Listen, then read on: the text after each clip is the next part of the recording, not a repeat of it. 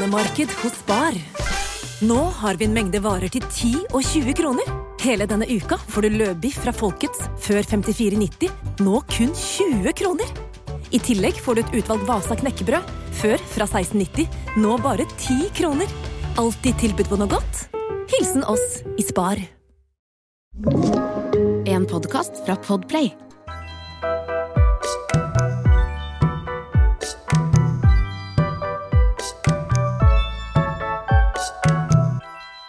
Det her syns jeg er skikkelig stas. Fordi nå har jeg en dame i studio som jeg digger. Så koselig.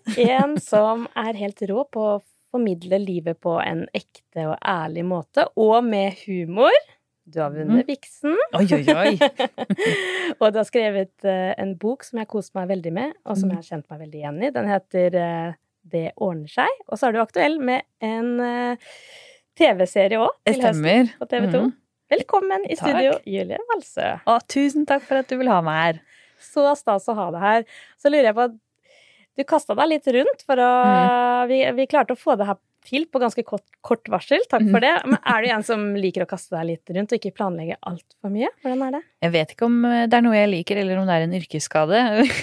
Du blir sånn vant til at det er litt sånn det funker. Eh, Og noen ganger klaffer det, og noen ganger eh, ikke. Men jeg har ikke noe problem med det, nei. Nei, nei, nei. Nei. Da hadde jeg jo ikke For nå har vi jo bodd i bil og reist rundt i bobil i Europa med, med barna våre. Så hadde jeg vært en som måtte planlegge, så hadde vi jo ikke kunnet gjort det, for eksempel. Så det er noe i det. Det er akkurat det. Det var det jeg tenkte òg. Og det har jeg lyst til at vi skal snakke litt om òg, fordi du har snakka ærlig om det å faktisk krasjlande i livet, mm. til å gjøre noe så imponerende som å reise rundt i en van med to små barn i et helt år. Mm. Det er rått. Takk, takk. Men hvis vi begynner på en måte før du skrev denne boka òg, da. Um, med, vi starter med krasjlandinga, hvis det er greit for deg. Ja, det kan vi gjøre. Når og hvordan var det du skjønte at uh, Oi, jeg trenger hjelp, jeg, er- jeg er syk. I, I boka mi så skriver jeg på en måte nettopp det at jeg skjønte det jo egentlig ikke. Eller jeg eh, nekta for det ganske lenge, i hvert fall. Jeg skjønte jo at eh, det var et eller annet som ikke stemte, men jeg tok den skylden på meg, at det var et eller annet jeg ikke fikk til. Um, så det var jo mannen min, Espen, som var sånn Dette er ikke helt normalt. For da fant han jo meg Jeg tenkte at liksom, hvis jeg bare klarte å ta igjen livet, i hermetegn, hvis jeg bare gjorde alle tingene riktig, sånn som alle sa, da, alle de tipsene folk hadde om Hvis du bare gjør sånn her og sånn her, så kommer livet ditt til å ordne seg, og da øh, er du ikke stressa og lei deg og sint. Det var sånn greit. Men så skjedde, skjedde det liksom aldri. Og til slutt så sitter jeg på kjøkkenet og sorterer krydderskuffen midt på natta. Fordi at bare, bare jeg har sortert den, kanskje Kanskje det Da bruker jeg mindre tid på å finne krydder. Og da blir jeg mye mer effektiv. Og sånn var det jeg tenkte der hvor Espen var sånn Men det er ikke helt normalt. Skal vi kanskje ringe til hjelp, eller? Var det ikke sånn at han også ble bedt om å gå ut og kjøpe et krydder dere mangla? Ja, vi mangla jo oregano, men det var tre på natta, så det gikk ikke, dessverre. Men Det sier litt om kanskje stressnivået du hadde i kroppen på det tidspunktet. Ja, ja, absolutt. Ja. Og til hvilken grad jeg hadde prøvd å skjule at jeg ikke fikk til ting, da. Mm. Ja. Litt sånn flink pike møter liksom At det ordner seg. Jeg, jeg, det der, At man har, har så lyst til å få det til, da. Mm. Så føler jeg jo heller ikke at det er flink pike, men at det er samfunnet som Det kan jo være det, men at det virker som at um, det skal være så selvsagt at vi skal få til disse tingene. At eh, alle har jo vært eh, barn, og alle har hatt en forelder før. Det er jo ikke så sabla vanskelig å føde disse ungene og være mor, vel. De har gjort det hele tiden, og før gjorde de det i skauen, og så gikk de på låven etterpå. Du må skjerpe deg. Altså, så, det er på en måte at det ikke er så veldig prestasjon å få det til, heller. Oppleves det ut som. Men så stemmer jo ikke det overens med virkeligheten, med absolutt alt du eh, mange kan tenke deg at du må få til for å være en god nok forelder, da. Så for meg virka det som at dette ikke var meg som skulle være flink, men bare meg som prøvde å møte minstekravene og ikke fikk til det engang. Ja. Ja. Og hvor mørkt opplevdes det for deg, da? På, på en måte det mørkeste? Eh, Jeg tror nok at de fleste som eh, Det var veldig mange når jeg eh, fikk diagnosen fødselsdepresjon, så var det veldig mange som ville vite ah, det som du spør om, da. Ikke sant? Hvordan var det det skjedde, og hvordan kjentes det ut? Men jeg tror ofte de som er syke, er de som legger merke til det sist. At de er det. Eh, Fordi det For meg gikk det veldig gradvis. Eh, Og det er jo et slags mørke du prøver å holde unna hele tiden. Um, og for meg kom det mørket mer som tvangstanke med at um, eh, Hva skjer hvis jeg bare faller i trappa nå? Hvor vondt kan det egentlig gjøre? Eller hva skjer hvis jeg går ut av butikken og bare blir påkjørt bitte litt? Jeg skjønte ikke at det var kjempeskumle tanker. Mm. Og det er jo en blanding av den utmattelsen pluss av den fødselsdepresjonen, fordi det er ganske farlig, mange av de symptomene, fordi at de ligner sånn på det som er vanlig. Mm. Ja, alle er sliten. Ok, tenker du da. Da er jeg kanskje bare sliten. Alle gråter. Ok, hvor mye gråter de andre, og hvor lenge? Mm. Alle syns det er eh, vanskelig å roe barnet sitt noen ganger. Ok, men hvor vanskelig syns de det er? Mm. Um, så til slutt så bare ble i hvert fall jeg veldig vant til å høre at det jeg opplevde var vanlig. Mm. Og da gikk jeg på en måte bare i det, og venta til at det skulle gå over, da. Og så gjorde det ikke helt det. Det gjorde ikke Det ble bare verre. Og jeg kjenner meg så igjen også. Jeg, eh, når jeg fikk mitt andre barn, så var jo det en som eh, gråt omtrent konstant de første tre månedene. Mm. Eh, og det var sånn sånn Det går over. Men bare husker liksom tanken på da Hva da? Eh, tre uker til med dette? Skal det gå? Altså, det var sånn. Ja. Eh, og vi hadde jo Det første barnet kunne vi ta med på alt. Ja. Så det var liksom Vi hadde planlagt det med nummer to òg. Og så plutselig var det å bare komme seg til helsestasjon et kvarter unna som på en måte Altså, det var så tungt, da, bare, Mm. bare å få det til. Um, å komme seg ut døra noen ganger var krevende. Så det er den derre Men, men hvor, hvordan skiller man på Det her er tøft og sant, at man ja, ikke går over i fødselsdepresjon, da. Men man, man blir jo, når man står der og ja, Man får jo litt lyst til å dunke hodet i veggen. Ja. Ikke sant? Fordi det er så tøft. Um, hvordan var det å gå fra eh, Fordi jeg gikk jo motsatt fra dere. Vi hadde jo en baby som Jeg står jo fortsatt og gynger på handlevogn, og jeg har en seksåring, liksom. Eh, som også måtte gynges i søvn og skreik hele tiden og hadde veldig vondt i magen og sånn. Til å få en i hermetegn enkel baby med nummer to. Men det var jo med nummer to jeg fikk fødselsdepresjon. Ja. Og ikke med nummer én. Så jeg tenker at eh, eh, Hvordan var det å gå motsatt? Tenkte du at da du hadde planlagt liksom Nå skal det være kafébaby nummer to? Ja, ja, ja. Jeg synes jo, og, men det er jo et eksempel på at man kan aldri planlegge. Man vet aldri hvordan det blir, og det betyr ikke at Mm. fordi man har en krevende baby, så er det lik at man har for det. Ikke sant? Det er, det er jo ikke nødvendigvis noen sammenheng der, da. Ja. Eh, men jeg syns det var eh, krevende fordi jeg hadde sett for meg noe helt annet. Ja. Jeg så jo for meg det her livet, og jeg skulle ta med meg nummer to. Og vi skulle reise, vi skulle på TV-innspilling, vi skulle til Svalbard, kanskje verdens på en måte minst barnevennlige plass.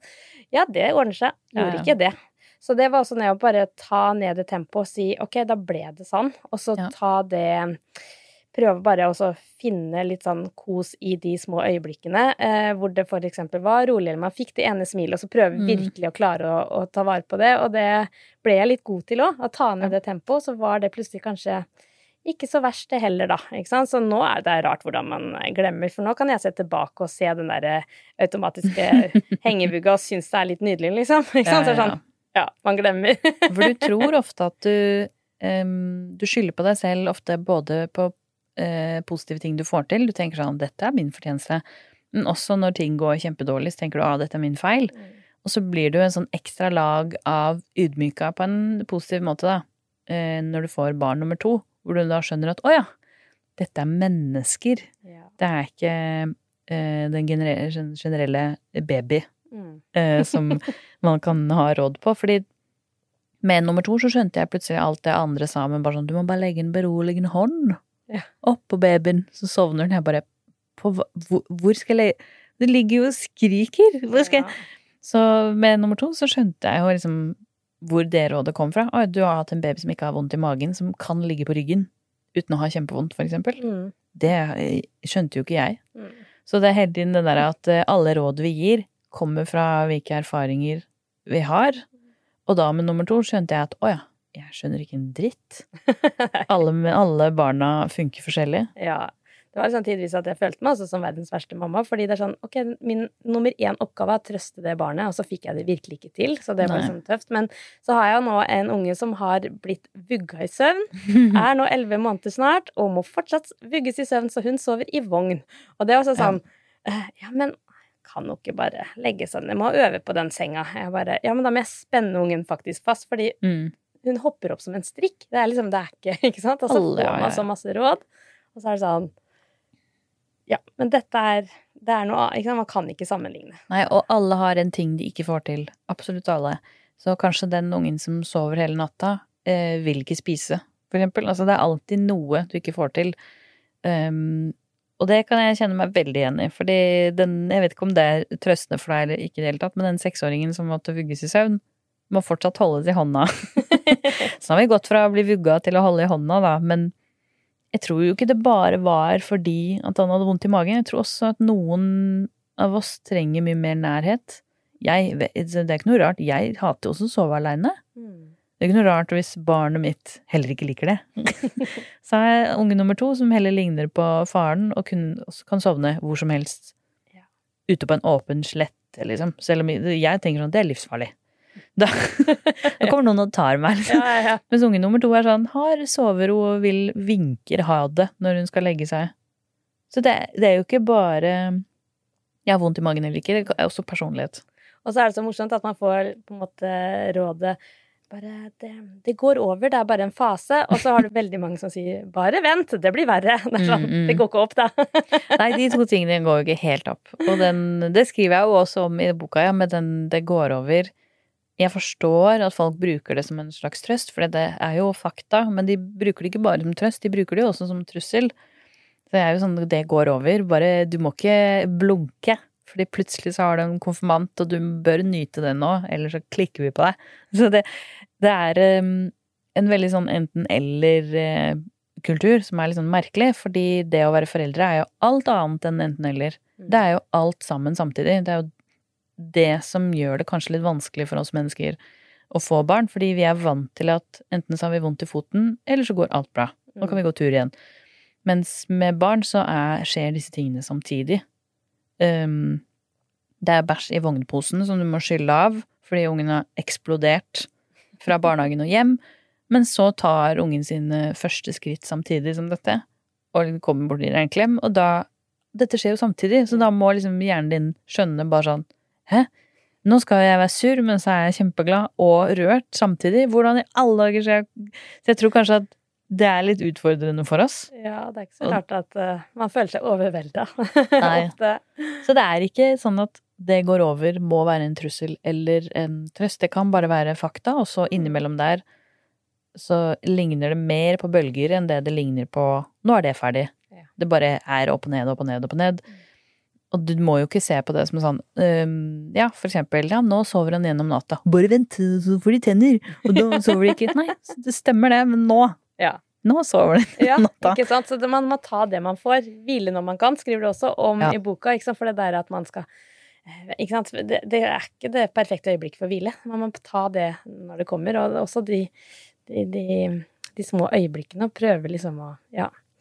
Det er vanskelig å si nyte mens det skjer, men det, det er liksom noe i det òg, da. Mm. Mm. det er eh, Det med å hvile etterpå tror jeg også vi har lært oss når eh, Før vi får barn, fordi det er en slags sånn prestasjon. Sånn at vi er, når vi er flinke, det er da vi kan eh, hvile, da. Så hvis vi har tatt en joggetur, det er da vi kan spise chips Ja. og ligge på sofaen. Eller vi har jobba lenge, det er da vi kan kose oss med en god middag. Men så funker ikke livet sånn etter du får barn, for da bestemmer du ikke hele tiden når du kan gjøre disse tingene. Um, og der har jo mannen min hatt en mye mer positiv måte å se det på, for da tenkte jeg sånn, da blir vi jo aldri ferdig, da. da blir det bare bare grusomt. Mens Espen er sånn, ja, men da kan vi jo bare spise chips når vi vil. Mye bedre måte å se det på. Og så ta oppvasken etterpå, for den er jo der hele tiden. Det er ikke sånn at vi blir ferdig med den. Mm. Og det er jo mye mer logisk. Ja, liker det. Og så må jeg le litt at eh, når jeg var i bryllup nå i helga, så Eh, ja, jeg burde nok kanskje gå og legge meg litt tidlig, da, når jeg har min natt nummer to i livet uten mine to barn et mm. sted. Og så er det opp og synge karaoke, da. og så legge seg eh, ja, halv tre ish. Og så er det jo Ikke sant, våkner man jo tidlig, og så er det jo Ja, det valget, da. Kun skulle man godt ha lagt seg litt før, eller Mm. Da manko på venninnetid også. Det, er jo, det gjør jo noe med deg, det òg, når du får Mm. tatt litt igjen det. Så ja, Men de, de valgene er ikke alltid så, så lette å ta. Og det er kanskje ikke mest fornuftige valget, men eh, kan sveve litt på det i dag, da, på mandag, selv om man er litt ekstra sliten. Men når Ja. du kommer hjem, åh, fyllesyk med to Altså, det er jo Det er ikke Ja. pause, det. Det Kan ikke si pause. til nei. nå går jeg og legger meg etter at han har hatt de på en måte hele dagen og natta før heller. Mm. Så det er jo Det er litt sånn ekstra. kanskje. Ja, kanskje. jo, ja. Men når du så han, så han var ganske sliten. Ja, ja, Så ja, Så det, det var uh... Men det eh, heter jo Det fenomenet heter et eller annet. Det er um, Jeg er ikke helt sikker på rekkefølgen, men revenge bedtime procrastination eller et eller annet sånt. mm, Som skjer når folk som har lite kontroll over livet sitt, eh, endelig får en liten lomme med, med tid, da, hvor du egentlig skulle ha sovet. Det er derfor så mange av oss står og lager muffins midt på natta og ser og binger serier.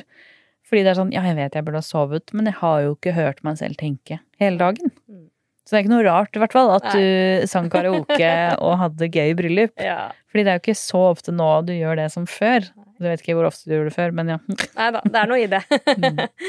Eh, men du, kan du si på en måte Kan hende at det er sånn sammensatt, da. Men det, hvordan var det du kom deg ut av fødselsdepresjonen? Hva var det som hjalp deg? Og hvis det er noen som har, kjenner på det samme, liksom, hva Noe du kan si som kan være Mm. litt oppmuntrende? Um, veien ut er kan være litt vanskelig fordi at Og jeg vil ikke gjøre noen motløse sånn, men det å få hjelp krever jo også at enten noen rundt deg kan se at du trenger hjelp, eller at du selv må ha ganske mye krefter for å faktisk eh, spørre etter den hjelpen. Så det er det første jeg pleier å si med at eh, rådene jeg heller kommer med, er til de som er rundt. Kan du være Kan du ha en venn, for eksempel, i livet ditt, sånn før du får barn, eller når du får barn, hvor du sier sånn Kan du si fra til meg når du ser at jeg ikke har det bra? For det er ikke sikkert at jeg kommer til å se det selv. Fordi det er jo ikke sikkert, for vi er så overvelda av alle disse tingene som skjer, og det er store forandringer. Og det er ofte andre som kan se at nå kommer ikke dette til å gå så bra. Og hvis du da har eh, bygget opp det motet til å gå til legen, da, så er det også veldig lurt å ha med seg en venn.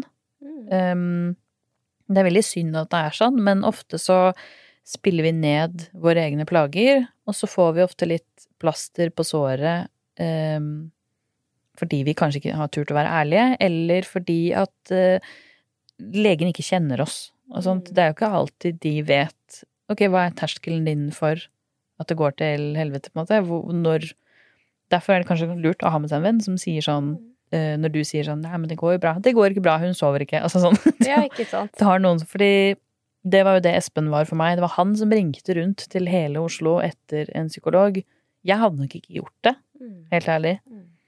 Um, så det er det første. Og når du har begynt å innse at det ikke går bra, og du har begynt å få hjelp, så er det første steget å godta eller akseptere at du er syk. Mm.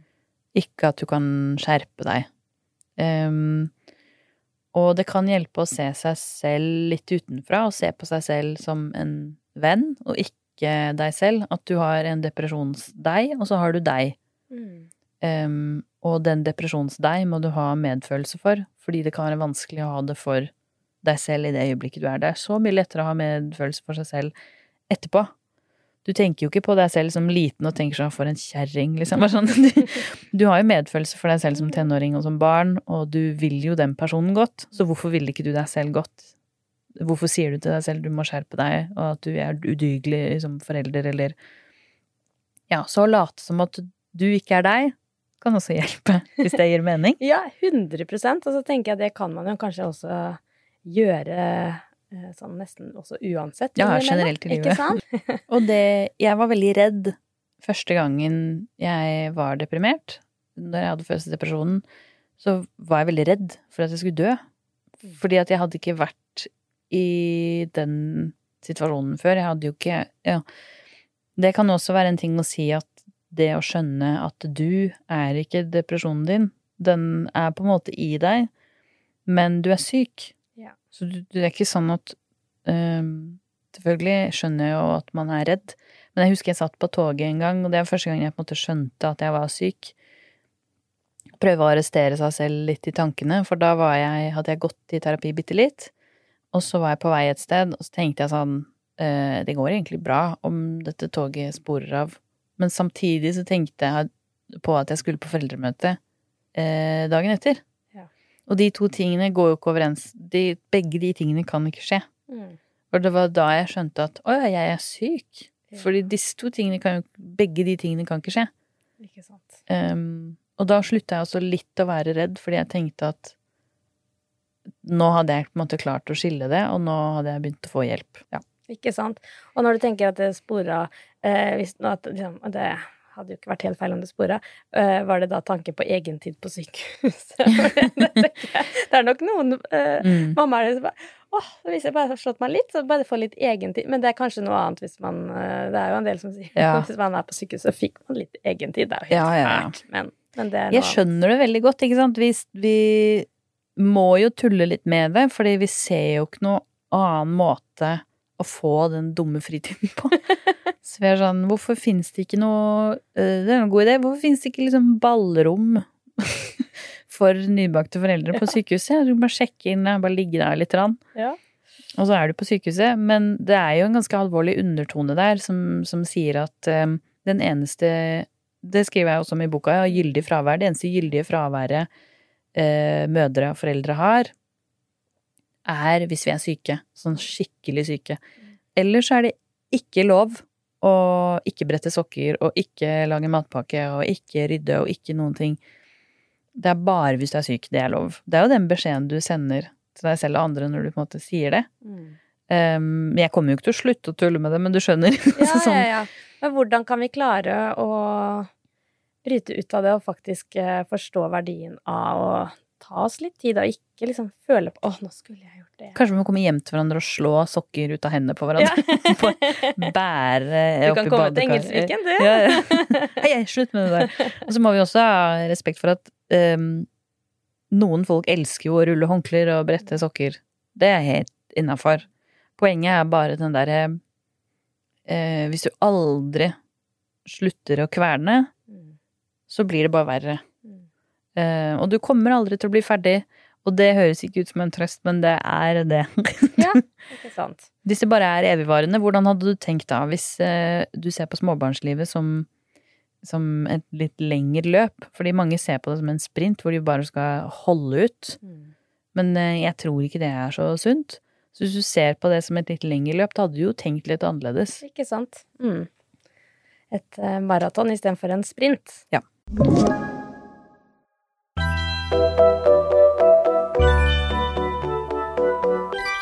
Det er litt morsomt det der at vi eh, før vi får barn, så ser vi for oss hva slags type foreldre vi skal bli. Eller kanskje også Ja. sånn Jeg skal ikke bli en sånn forelder, og det skriver du Mm. om i boka òg. Og jeg må le litt, for jeg var en sånn som eh, hva skulle du sånn? bli? Mm. Jeg husker at eh, det skulle ikke være liksom rosa leker Altså, jeg skal ikke ha sånn rosa baby. Nei, du skulle ikke ha kjønns... Uh, Nei, nei, nei. Mm. Jeg skulle ikke bli en som eh, spiste taco på fredag, og jeg skulle ikke flytte fred til Fredrikstad. Og hei, hei, jeg har uh, helst taco på fredag. Jeg bor ikke langt under Fredrikstad sentrum, og døtrene mine leker eh, helst med rosa leker, og det er kjempekos. Men det er bare så Mm. gøy hvordan du ser for deg ting. Da jeg til og med søsteren min spurte om jeg skulle arve et sånt der prinsesseslott, vet du, som Nei. Eh, det skulle ikke jeg ha. Nei, nei, nei. Da tipper jeg hun beit i seg 'bare vent'. Ja. Jeg tror hun sa det For det er ikke lov å si, men det måtte... Det sa hun nok. Ja, ikke sant. Så du skriver litt om det i boka. Har du kjent på det samme? Ja, absolutt. Og jeg har liksom fundert litt på hvorfor eh, vi har så mye motstand mot å bli i hermetegn en sann forelder. Og først så var jeg bare tenke at, si at em, det er ikke så rart at vi tror vi kan forberede oss, og det er jo til en viss grad så kan vi jo forberede oss på det å få barn, men det er jo ikke sikkert at vi vet hva som er viktig for oss etter vi får barn, fordi vi har jo ikke hatt det før, så vi aner jo ikke hva vi trenger da, egentlig. Men så har vi en idé om at vi kan forberede oss til det, og vite hva som er viktig for oss etterpå. Um, og det var i hvert fall grunnen, tror jeg, til at jeg ikke skulle ha sånn og sånn, skulle ikke være tørkestativ i stua, for en eller annen rar grunn. Og det, vi skulle ikke bli i hermetegn kjedelige foreldre. Den andre grunnen er at vi ser på det å få barn som I hvert fall gjorde jeg det, som er sånn da er du ferdig, da, er bare, da må du være kjedelig. Og resten av samfunnet var også sånn, og da må du slutte å reise, og du må ha på deg praktiske, kjedelige klær. Og det er ikke noe i veien for det, men måten mange ser på foreldre, er jo det. Så da tenker du at hvis jeg bare forbereder meg masse, Mm. så må jeg ikke bli forelder. Og det siste er at vi alltid tror at vi selv er unntaket. Vi er de spesielle som skal bli de kule foreldrene. som eh, ikke skal ditten og datten. Um, og jeg tror at sånn er det laga litt fra naturen sin side òg, for å beskytte oss litt. For å faktisk eh, sette flere barn til verden. Mm. Så må jo nesten alle tro at de kommer til å gjøre det litt bedre enn de andre. Mm. De kommer, de må, altså, reglene gjelder ikke for meg. Jeg er jo rolig, så jeg får rolig barn. Det er så morsomt at vi, vi virkelig tror det òg. Mm. Ja, Og vi glemmer det mellom hver unge også. Altså, eh, mine barn er halvannet år imellom. Jeg var eh, Jeg ble gravid eh, da eldsteungen var ni eller ti måneder. Så det er tett. ja, så da jeg fødte nummer to, så burde jeg huske at buksa ikke kommer til å passe. Tror du jeg huska det? Absolutt ikke i det hele tatt. Den lå klar, den. Ja, ja, ja. Så jeg hadde med meg ikke liksom dongeribukse, for det huska jeg, men jeg hadde med meg en sånn tøybukse. Men jeg hadde glemt at jeg kom til å se gravid ut. Mm. Og det var, jeg gjorde det nettopp! Jeg var der liksom for to minutter siden. Og så fødte jeg om igjen. Da måtte jeg gå de to dagene vi var på sykehuset. Da måtte jeg bare gå i pysjbuksa. Gravid-pysjbuksa, liksom. For jeg hadde glemt det. Så jeg tror det ligger noe i det at vi, vi kan ikke forberede oss til alt. Og det er jo egentlig en ganske fin ting òg, at vi bare Vi må lære oss å gi etterlitt, da, på noen ting. Ja, og så er det jo noe om Jeg har også fått det spørsmålet noen ganger sånn åh, hvordan skal man klare Kan man ha den karrieren og være mamma? Hvordan kan man holde på seg selv, og kan man det Mm. når man blir mamma? Um, og så er det sånn Når jeg har fått spørsmålet da fra de som ikke er eh, Mm. foreldre selv, da, så er det jo liksom Hva skal man si? Man må ikke egentlig liksom skremme noen heller, men det er Nei. jo noe at man Det er jo noe annet. hva er seg selv? Ikke sant? Du forandrer deg jo mange ganger i løpet av livet. Og så blir vi fortalt hele tiden at vi må på en måte Vi må være oss selv, og vi må holde på oss selv, og vi må Så tror jeg bare at um, um, Du er jo deg selv, men du har jo aldri vært deg selv med barn, så du vet jo ikke hvordan det er. Mm. Og det er eh, my- lagt mye vekt på at det er skummelt å på en måte miste seg selv. Og det er det jo, fordi det er vanskelig å navigere når du ikke er helt sikker på hva, hvem er jeg nå, på en måte. Må jeg bli noen som går med forkle og baker boller og begynner i kor? For det var jo min mor, så jeg tenkte sånn Da må jeg gjøre det. For det er det bildet jeg hadde av det å være mamma. Mm. Men så er jo ikke jeg sånn i det hele tatt. Jeg kan ikke bake, jeg liker ikke å synge i kor, jeg syns det er kjedelig. Og eh, jeg Hvorfor skal jeg ha forkle da? så, så du kommer til å forandre deg, men du er deg selv. Det er ikke sånn at du plutselig kommer til å elske å bake boller hvis du hater det nå. Mm. Det kan hende at du får det som en ny interesse, men eh, ja, hva var poenget? Du kommer nok til å forandre deg. Mm. Og det er skummelt, men det kan hende det skjer. Og det kan hende at du får andre ting du liker å gjøre. Mm.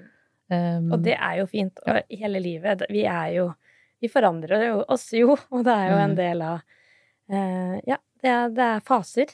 Og um, jeg syns at eh, det å ha Ja, man har forandra seg, men samtidig så, så er det Ja, det er noe annet. Og det er også veldig, veldig fint, da. mm. Og du kan reise, og du kan eh, gjøre ting. Det bare skjer ikke kanskje på akkurat den måten du hadde sett for deg. Nei, Ja. det her må vi snakke litt om. Ja. For det Du har rett og slett reist rundt i verden med små barn i Mm. en van. Og jeg har jo akkurat vært på norgesferie, og etter én dag i den eh, bilen så var det kaos. Eller liksom bare først et par timene så var det kaos. Og Ja. jeg var skikkelig sliten etter bare en uke. Så var sånn, nå må vi reise hjem. Og når vi hadde pause i stad, så spurte jeg deg men var det en bobil. Og da sa nei, det var en personbil. Og da var jeg ja, ja, ja, men det, der har du problemet ditt. Ja, fortell om det. Du har jo bleiebarn, ikke sant? Eh, og eh, noen barn syns det er null problem med å kjøre en bil, men eh, min erfaring er at babyer de syns ikke det er så fett hele tiden. Enig her. Pluss at de vil ha pupp eller melk på flaske, og de må skiftes på. Men det som er fordelen med å ha en bobil, er at du konstant har tilgang på do, søppelkasse og kjøkken. Og muligens en sofa. Og det er trikset, fordi i 2020 så tok vi en liten testtur for å sjekke kan vi flytte inn i en bobil og reise. da hadde vi planlagt det allerede, før vi dro to år etterpå. Um, og da fant vi ut at det som var stress med å reise med barn, var personbil.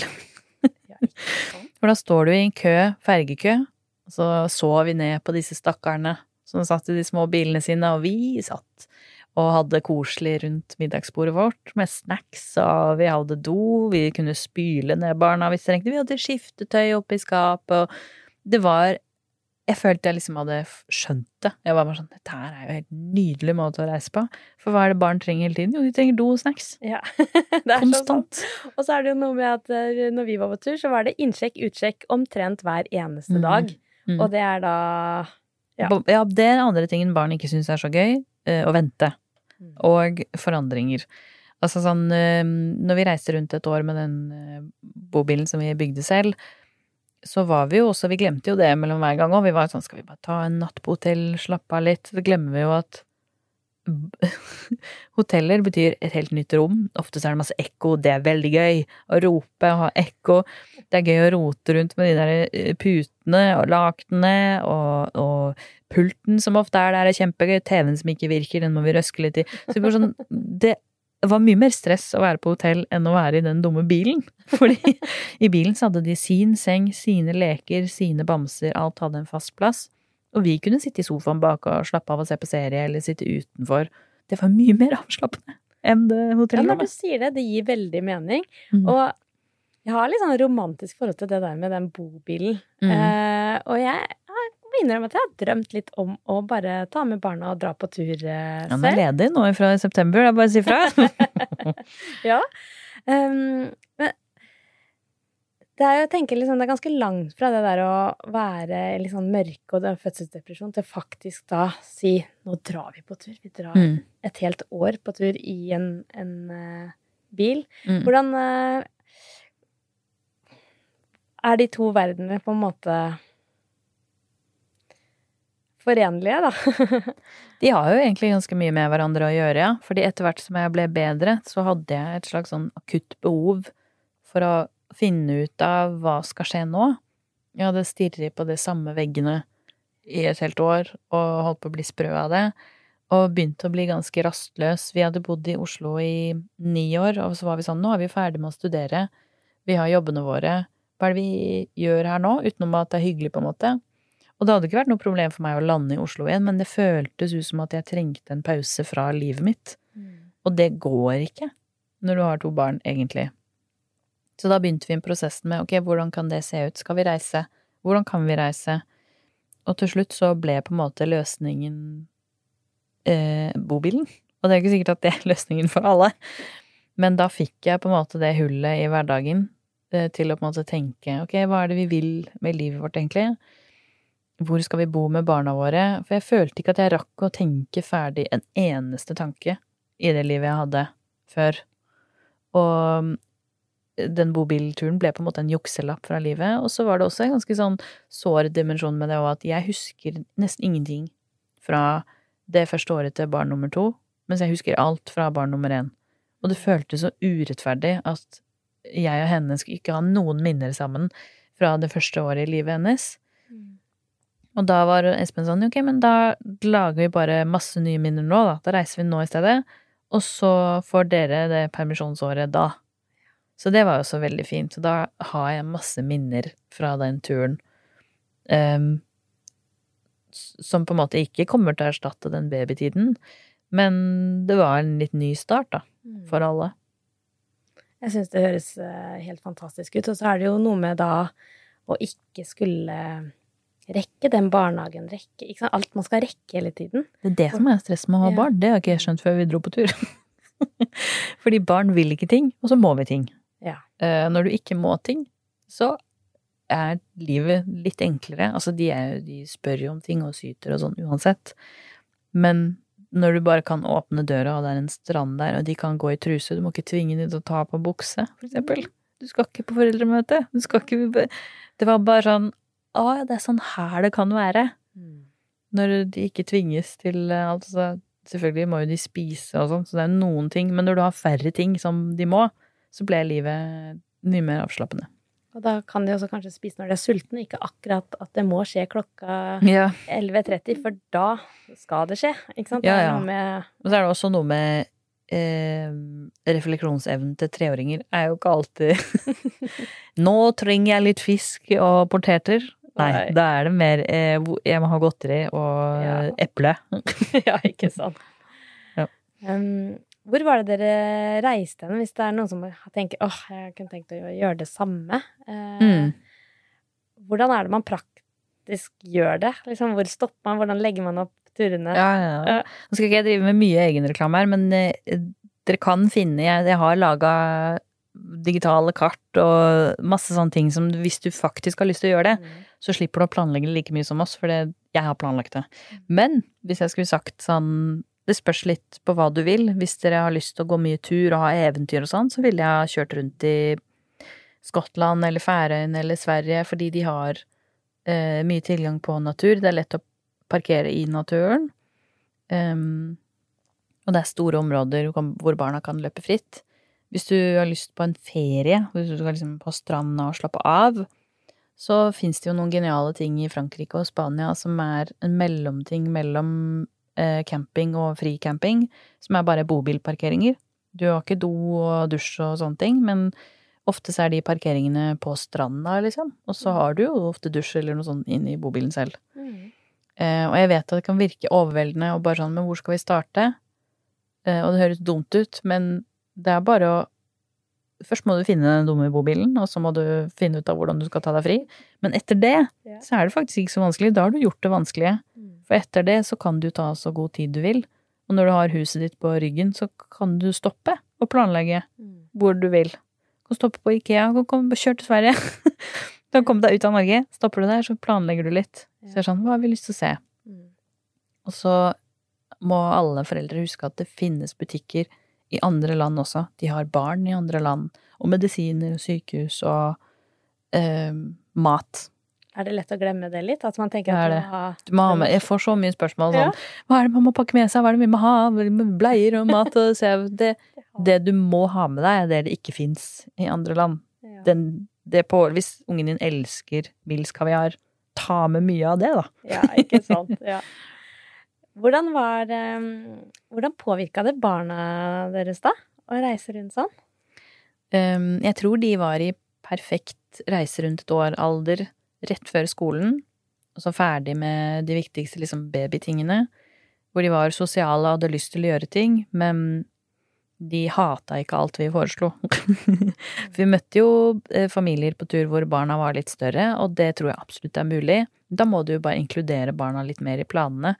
Men våre barn uh, syns jo ikke det var dritteit å se ruiner, skjønner du. De bryr seg jo ikke, så lenge det er is eller um, de får sitte i vogna. så er de med. Men eh, jeg så at det påvirka dem veldig positivt i form av at de er mye mer vant til ting enn det jeg var da jeg var liten. Mm. Og eh, det var gøy å se hvor frie de var, på en måte. Og hvor eh, gøy de hadde det. Altså, jeg er sjalu på, på dem, jeg. jeg vil også gjøre det. Ja. Og så er det jo det å komme hjem. Jeg hører jo også mange si ok, det er gøy at dere gjør det nå, men når barnet begynner på skolen, da kommer ikke det til å gå. Ikke sant? Den derre Mm. uh, og det er jo noe i at eh, ja, når barnet begynner på skolen, så er det også uh, en annen tid. Uh, Mm. Men det er kanskje det å ikke overtenke så mye, da. Heller si ja, men nå har vi muligheten til å gjøre dette. Da gjør vi det. Ja. Så er jo alle sine liv er jo veldig forskjellige. Mm. Jeg er ikke så fan av den derre 'hvis jeg kan, så kan du'. Mm. Det må vi på en måte tenke Hva er behovene vi har, og hva er mulighetene vi har? Vi hadde mulighet til det. Eh, min jobb krever at jeg har internett, bare. Mm. Og Espen tok seg permisjon, mens noen sparer og reiser et år. Um, og eh, ja, det krever mer planlegging hvis du skal gjøre det mens barna går på skolen. Men det er jo mulig. Men hvis ikke det gir deg noe, trenger du ikke å gjøre det. Men um, da kan du invitere Ingrid Tyritroll, heter hun på Instagram. De har nettopp nå vært eh, mange måneder borte og gått på kysten i USA, i noen nasjonalparker, ja. med, eh, med telt, liksom. Så Mm. det vi gjør, virker jo som en liten søndagstur sammenligna. Så det er mulig, for der de har skolebarn, for Mm. eksempel. Jeg spurte hva det har gjort med barna, men hva har det gjort for deg, da? Å, å Altså, hadde jeg eh, skjønt dette før, at jeg liker dette veldig godt, så hadde jeg jo bodd sånn i ti år allerede, eh, før jeg fikk barn, liksom.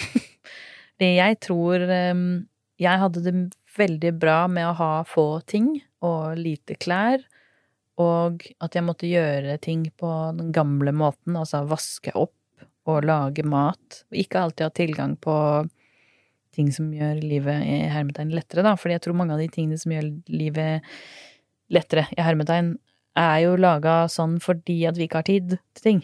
Så vi hadde jo ikke hatt bruk for de tingene hadde vi hatt tid. Um, det frigjorde masse hjernekapasitet å ikke tenke på hva jeg skulle ha på meg. Um, ja. For meg var det utrolig um, veldig nyttig å gjøre det. Espen, mannen min, er jo på autismespekteret, så denne måten å reise på tror jeg også var den en av de få måtene han også kunne ha gjort det på uten at han hadde blitt stressa av, fordi han kan da rømme til den bilen hvor alt har på en måte den faste plassen, hvor alt er sånn som det pleier å være for oss. Um, og um, det å reise når du er på autismespekteret, er egentlig veldig fint, fordi at ehm, da er alle fremmede. Da er det ingen som syns at det du gjør er rart, eller ikke passer seg. For da er det forventa at du er ikke herifra. Og det kjente Espen seg veldig, veldig igjen i, og sa at det var en helt nydelig ting med å reise, var at eh, det var ingen som så på meg som at jeg hadde forstått noe feil. Mm. Og det var også rørende å liksom bare Ja, det er sant. Ja. Nå er vi alle på lik linje. Det er ingen som skjønner hvordan det funker her. Ja, det er helt nydelig. Og så er det jo gøy hvordan dere to bruker eh, Instagram, og spesielt deg, da, Å og bruker humor.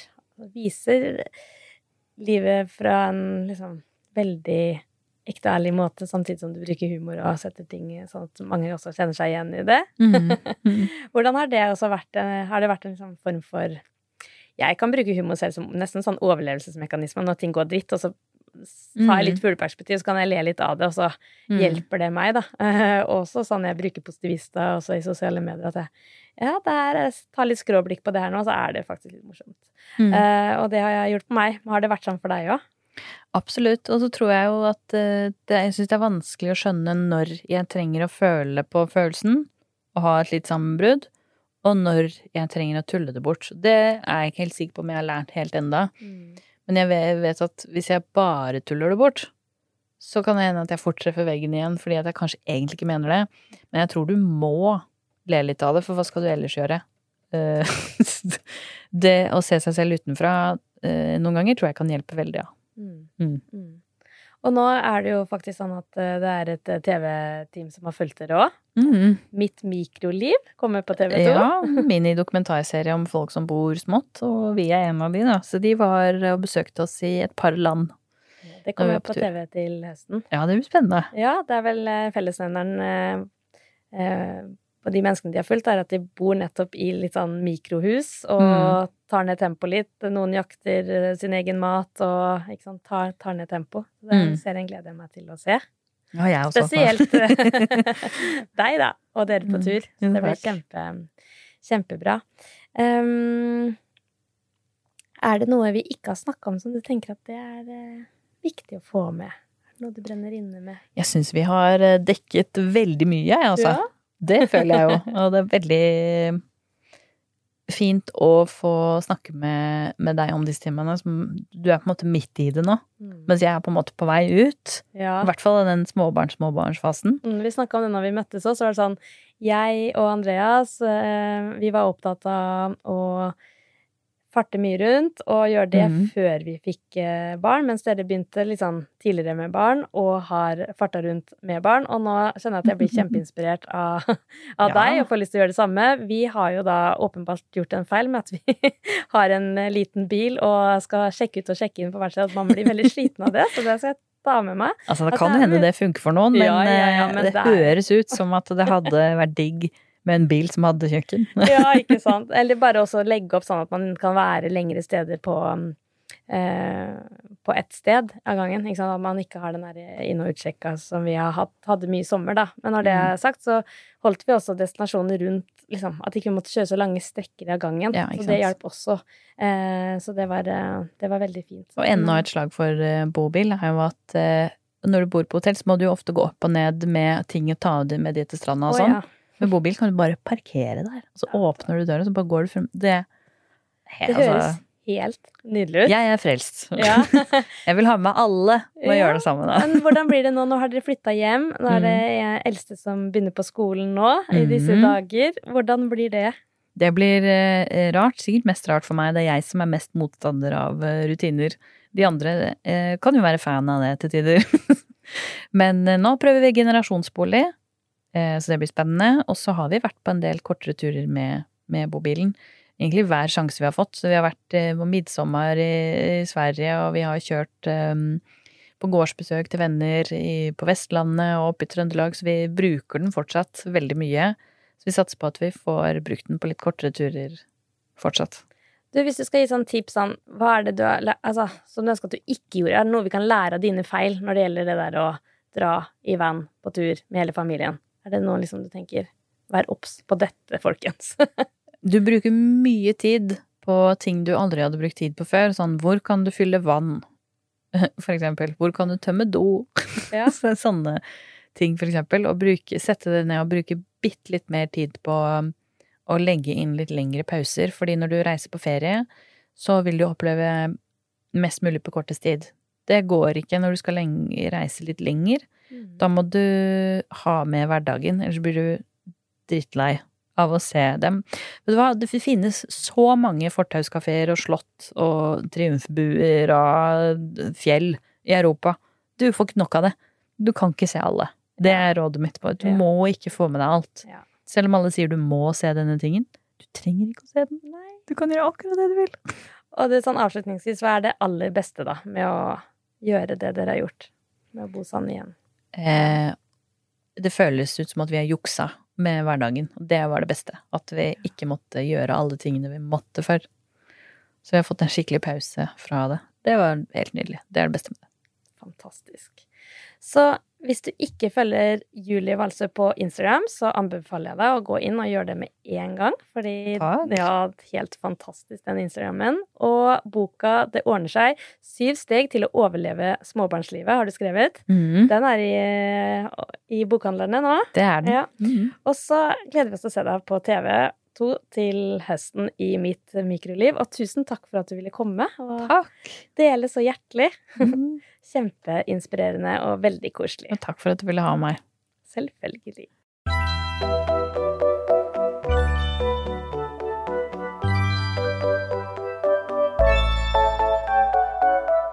Du har hørt en podkast fra Podplay. En enklere måte å høre podkast på. Last ned appen Podplay, eller se podplay.no.